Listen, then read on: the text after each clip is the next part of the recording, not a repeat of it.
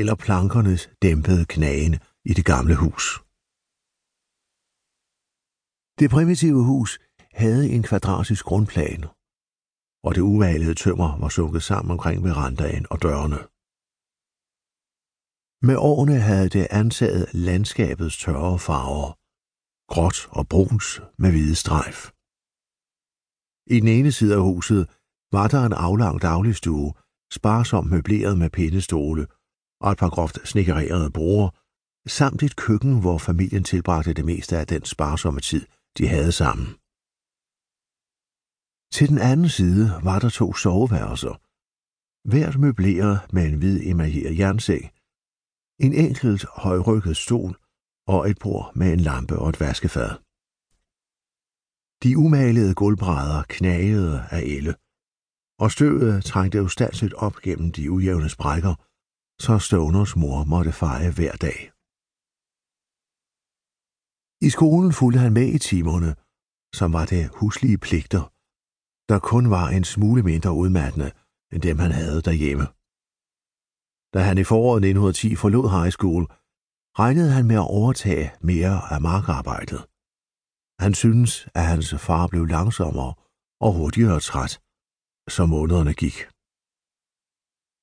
Men en aften i køkkenet, hen på foråret, da de to mænd havde tilbragt en hel dag med at hyppe majs, og tallerkenerne var båret ud efter aftensmaden, talte hans far til ham. Landbrugskonsulenten var forbi i sidste uge. William så op fra den røde og hvidternede vokstue, der lå hen over det runde køkkenbord. Han sagde ikke noget. Han siger, de har en ny skole inde på Universitetet i Columbia. Landbrugsskole, kalder de den. Han synes, du burde gå der. Det tager fire år. Fire år, sagde William. Koster det noget? Du kunne arbejde mod kostologi, sagde hans far. Din mor har en fætter, der ejer et sted lige uden for Columbia. Øh, så er der bøger og sådan noget. Jeg kunne sende dig to-tre dollars om måneden.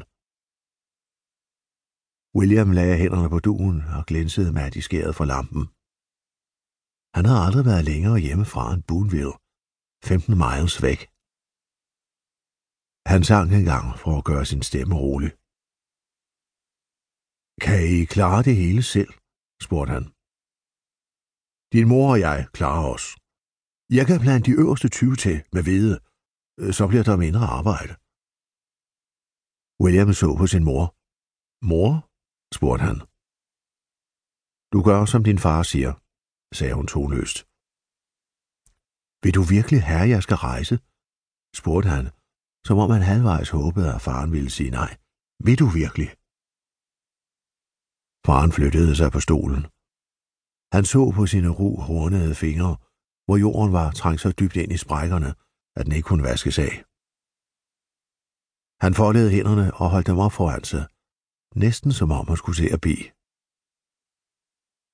Jeg har ikke gået meget i skole, sagde han, og så på sine hænder. Jeg begyndte at arbejde på en gård, da jeg gik ud af 6. Var ikke så meget for det med skole, da jeg var ung. Men nu ved jeg ikke. Det er ligesom jorden bliver tørre og hårdere at dyrke for hvert år, der går. Den er ikke fed, som dengang jeg var dreng. Landbrugskonsulenten siger, de har nogle nye idéer, nye måder at gøre tingene på, som man kan lære på universitetet. Måske har han ret. Nogle gange ude i marken går jeg og gør mig mine tanker. Han holdt en pause. Hans fingre strammede grebet om hinanden, og de foldede hænder faldt ned på bordet. Jeg gør mig mine tanker. Han skulede til sine hænder og rystede på hovedet. Du begynder på universitetet til efteråret. Din mor og jeg klarer os. Han havde aldrig før hørt sin far tale så længe. Det efterår tog han til Columbia og blev immatrikuleret som russtuderende på landbrugsskolen. Han ankom til Columbia med et nyt sort gabardinesæt, bestilt fra Sears Roebucks katalog og betalt med hans mors æggepenge.